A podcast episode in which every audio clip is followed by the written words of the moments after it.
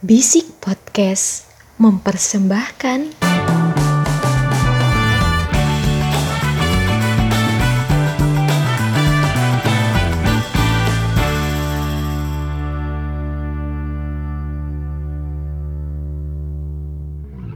Hello everybody, welcome to Bisik Podcast. Podcast di mana kami berbincang-bincang tentang topik yang asik bersama Noval, Shelly, dan Eva. Pada episode pertama kali ini, kita akan bahas tentang tentang dunia perkuliah- eh, perkuliahan dong. tentang perkuliahan. Sebelum kita ngomongin topik yang akan kita bicarakan, ada baiknya kita kenalan dulu. Kata orang, tak kenal maka tak sayang. Saya di sini sebagai host yaitu Noval. Saat ini saya sedang berkuliah di Unsika jurusan akuntansi semester 7. Nah, saya di sini tidak sendiri loh. Seperti tadi saya sebutkan sebelumnya, kami bertiga di sini. Yang pertama ada Kak Eva, silakan perkenalkan diri. Halo semuanya, kenalin nama aku Eva Zuria Nova. Aku berdomisili di Lampung, tapi aku mahasiswa di Solo gitu sih. Keren juga ya. Lampung tapi kuliahnya di Jogja. Mantap. Eh, Solo, Solo, mohon Oh. maaf. Ah iya, Solo. Sobat perantau emang. Kan masih online, Oh iya, lupa. jadi jauh nggak apa-apa. Mantap, sobat perantau. Dan terakhir, teman kita yaitu Kak Seli. Silakan Kak Seli perkenal- perkenalkan dirinya. Iya, terima kasih Kak Naufal. Halo semuanya. Kenalin, nama aku Seli Fiorentin Hutauruk. Ya, biasa dipanggil Seli ya. Aku asalnya dari Pematang Siantar, Sumatera Utara. Tapi sekarang domisili di Bekasi.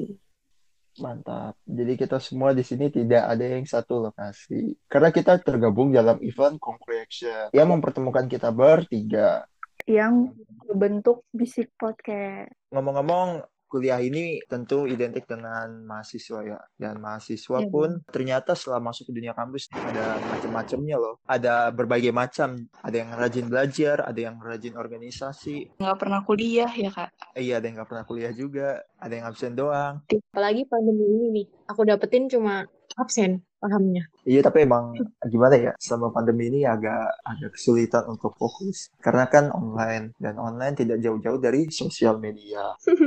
Sambil kuliah, sambil mantengin Instagram gitu ya Kak biasanya. Ya, mantengin Instagram, Iya. mantengin Twitter, mantengin Pokoknya nyambi deh multitasking gitu kalau kuliah. Iya, sedangkan kalau kita di kelas aja tuh belum tentu bisa dapat apalagi yang online. Kita back to topic lagi ya. Menurut Kak Sally gimana nih? Selama kuliah udah nemu tipe-tipe yang kayak gimana? Selama kuliah ya Kak, aku sih nemuin banyak banget tipe-tipe mahasiswa. Tapi ada nih empat tipe mahasiswa yang paling sering dan pastinya kalian semua pasti pernah temuin nih. Yang pertama, kupu-kupu. Kuliah pulang, kuliah pulang. Siapa nih yang kayak gini? Ayo ngaku. Ini tuh tipe mahasiswa yang seperti namanya, kerjaannya ya kelas. Abis kelas tuh biasanya langsung balik kosan atau rumah. Entah yang karena dia emang gak mau aja gitu ambil kegiatan di kampus atau emang dia tuh udah sibuk di luar kampus gitu. Bisa jadi sih. Makanya dia pulang.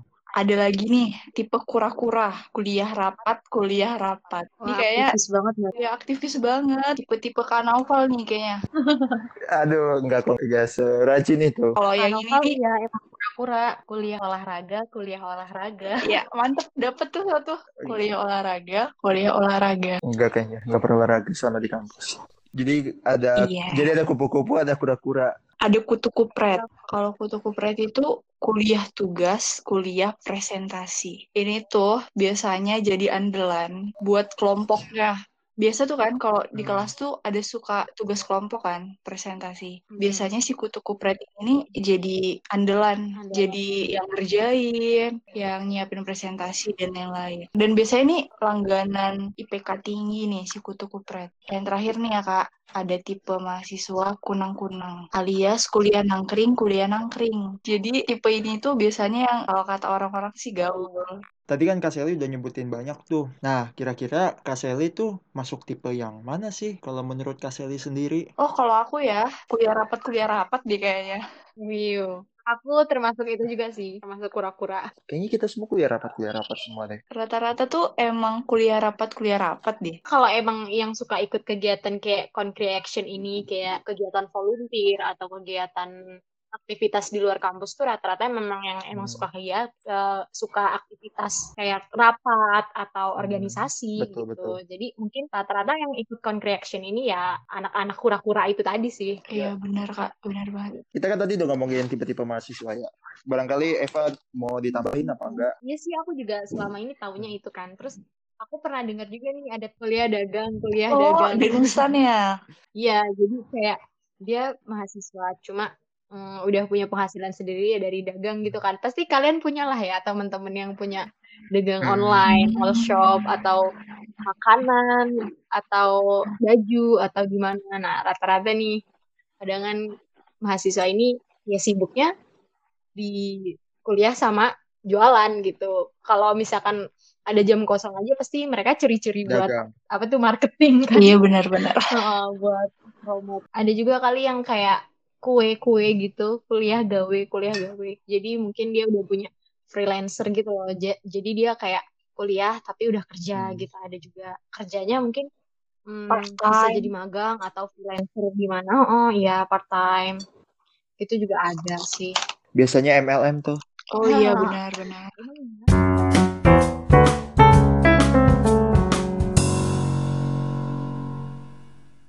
mahasiswa kayak gini emang prioritasnya beda-beda ya. Ada yang memprioritaskan mereka, ada yang memprioritaskan organisasi, ada yang memprioritaskan tongkrongannya dan kerjaannya atau dagangannya. Mm-mm, benar kak. Tapi ada juga loh mahasiswa yang mencoba balance semuanya diikutin. Jadi mahasiswa yang aktif di organisasi, jadi mahasiswa yang aktif dagang, jadi mahasiswa yang aktif kerja, ada yang aktif nongkrong. Uh, Itu kayaknya bukan orang deh. tapi kayaknya kalau udah borong semuanya gitu nggak nggak sempet jadi kunang-kunang deh, nggak sempet nangkring-nangkring deh kayaknya. Iya. Atau enggak sempet nangkring, nggak sempet tidur. Nah itu.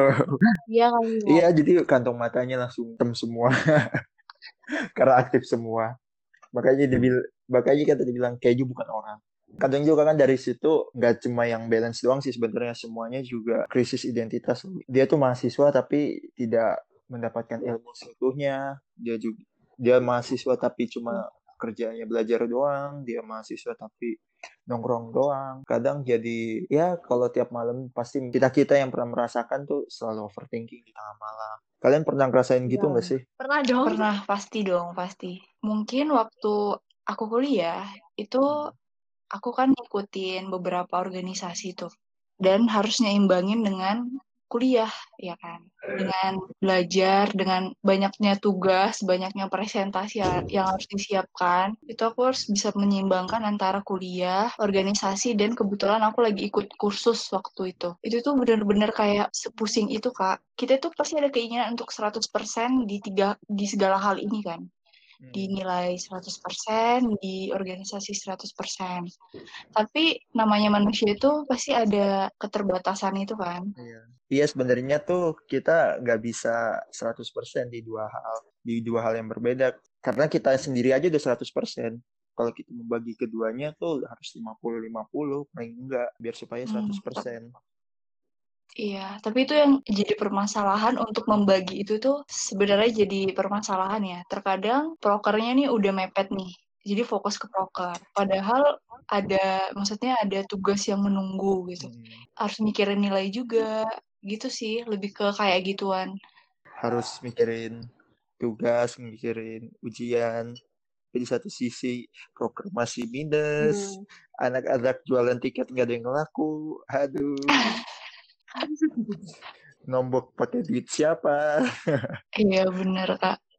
Sponsor nggak ada yang tembus. Aduh, tiap malam mikirin Iya. itu doang. Iya, belum amanah tiap divisi. Maksudnya kita sebagai divisi apa nanti di organisasi kan. Iya benar, karena kita nggak bisa kalau kita udah memutuskan untuk ikut organisasi, berarti kita harus bertanggung jawab kan untuk menyelesaikan proker-proker dan organisasi itu. Nggak bisa yang main tinggal gitu aja, gitu juga dengan kuliah. Kita kan tugas utamanya kuliah, nggak bisa yang kerjanya cuman fokus ke proker aja, kuliahnya dinanti-nantiin. Nah, bener banget Kak Seli. Karena kan pada dasarnya kita sebagai mahasiswa harus mengutamakan belajar. Itu merupakan tugas kita sebagai mahasiswa. Kalau Eva sendiri, bagaimana nih? Pernah nggak sih merasakan hal yang sama seperti Kak Sally rasakan selama kuliah ini? Apa tuh? Ah, TLC gitu pas Iya, seperti itu. Ya pernah dong. gimana tuh? Apalagi di saat eh, awal-awal jadi mahasiswa baru kan pasti kita kayak pingin semua kesempatan kita ambil ya. Kalau ada peluang, kalau ada kesempatan Hmm. pinginnya kita ambil gitu. Biar itu tadi sih ekspektasinya biar kita bisa bisa balance. Tapi ternyata realitanya menghujam.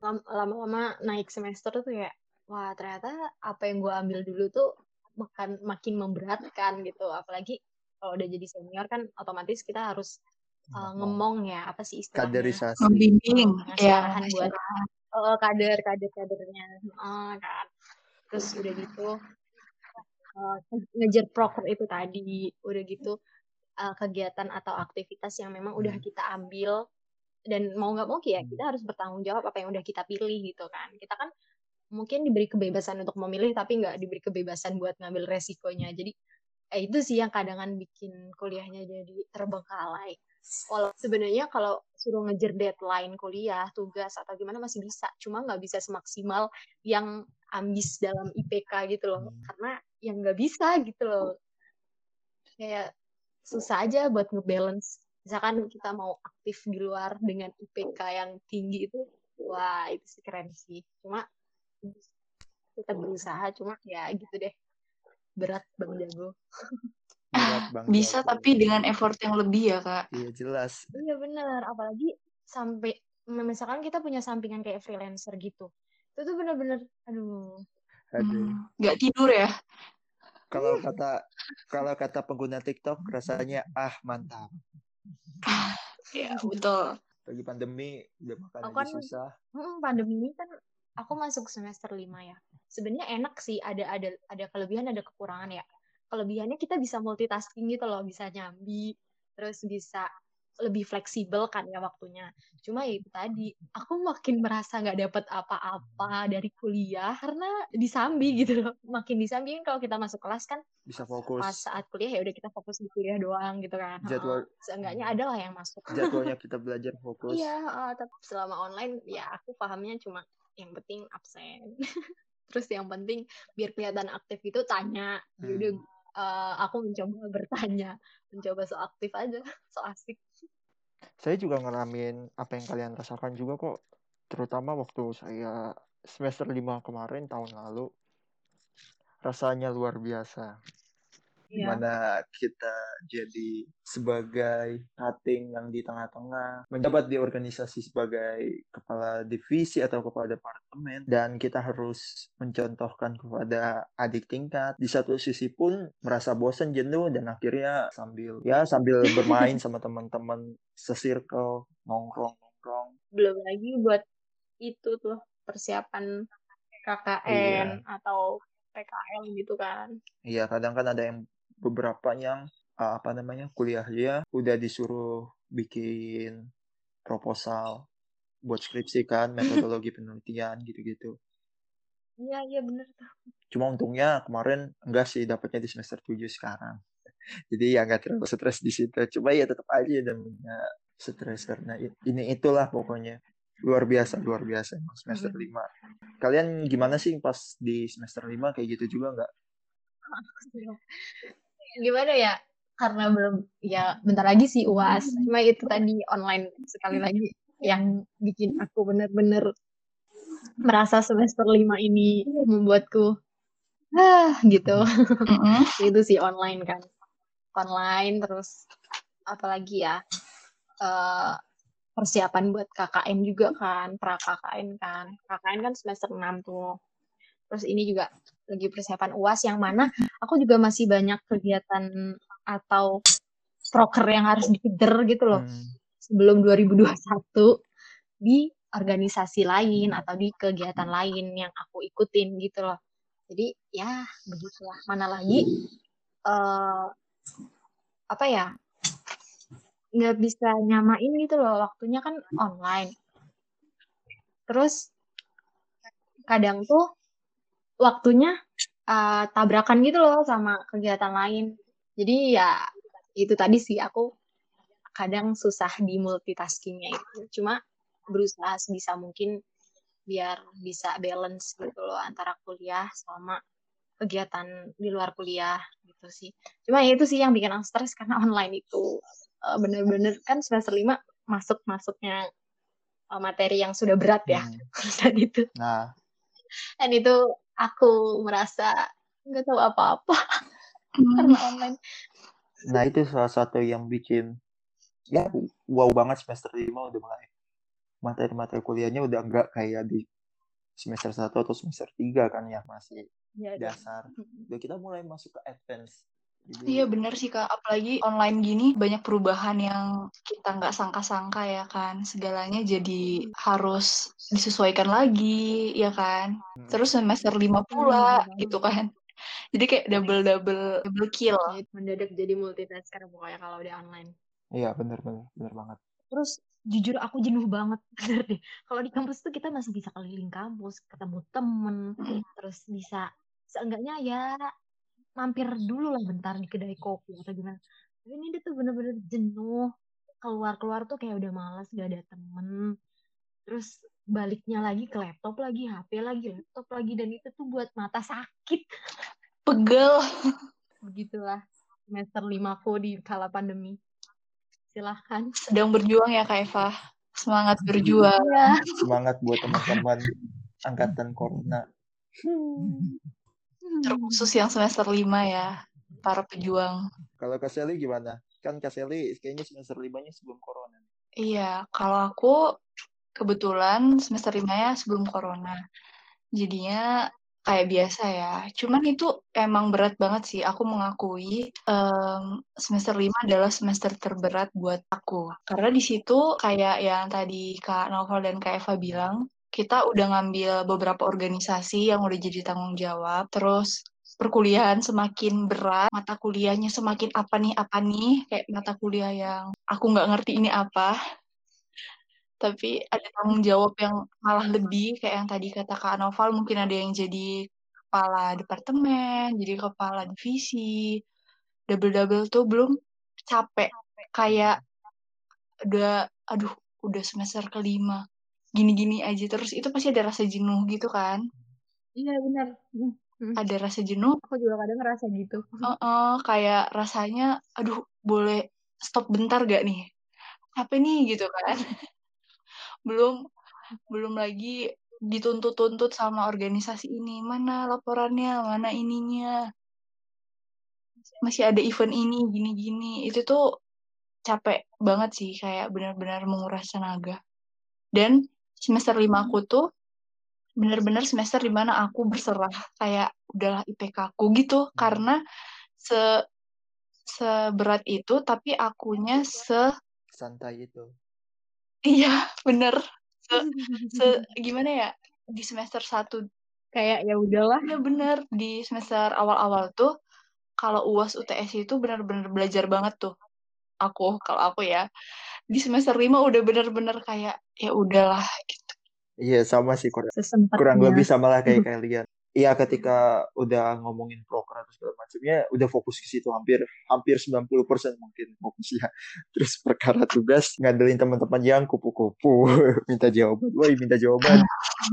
Astagfirullah tidak boleh ditiru.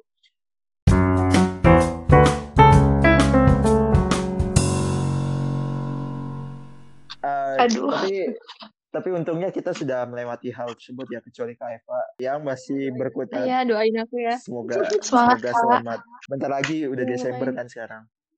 Ya semoga Kadang tuh weekend tuh sampai nggak nggak ini nggak ada jeda Iya, gitu loh.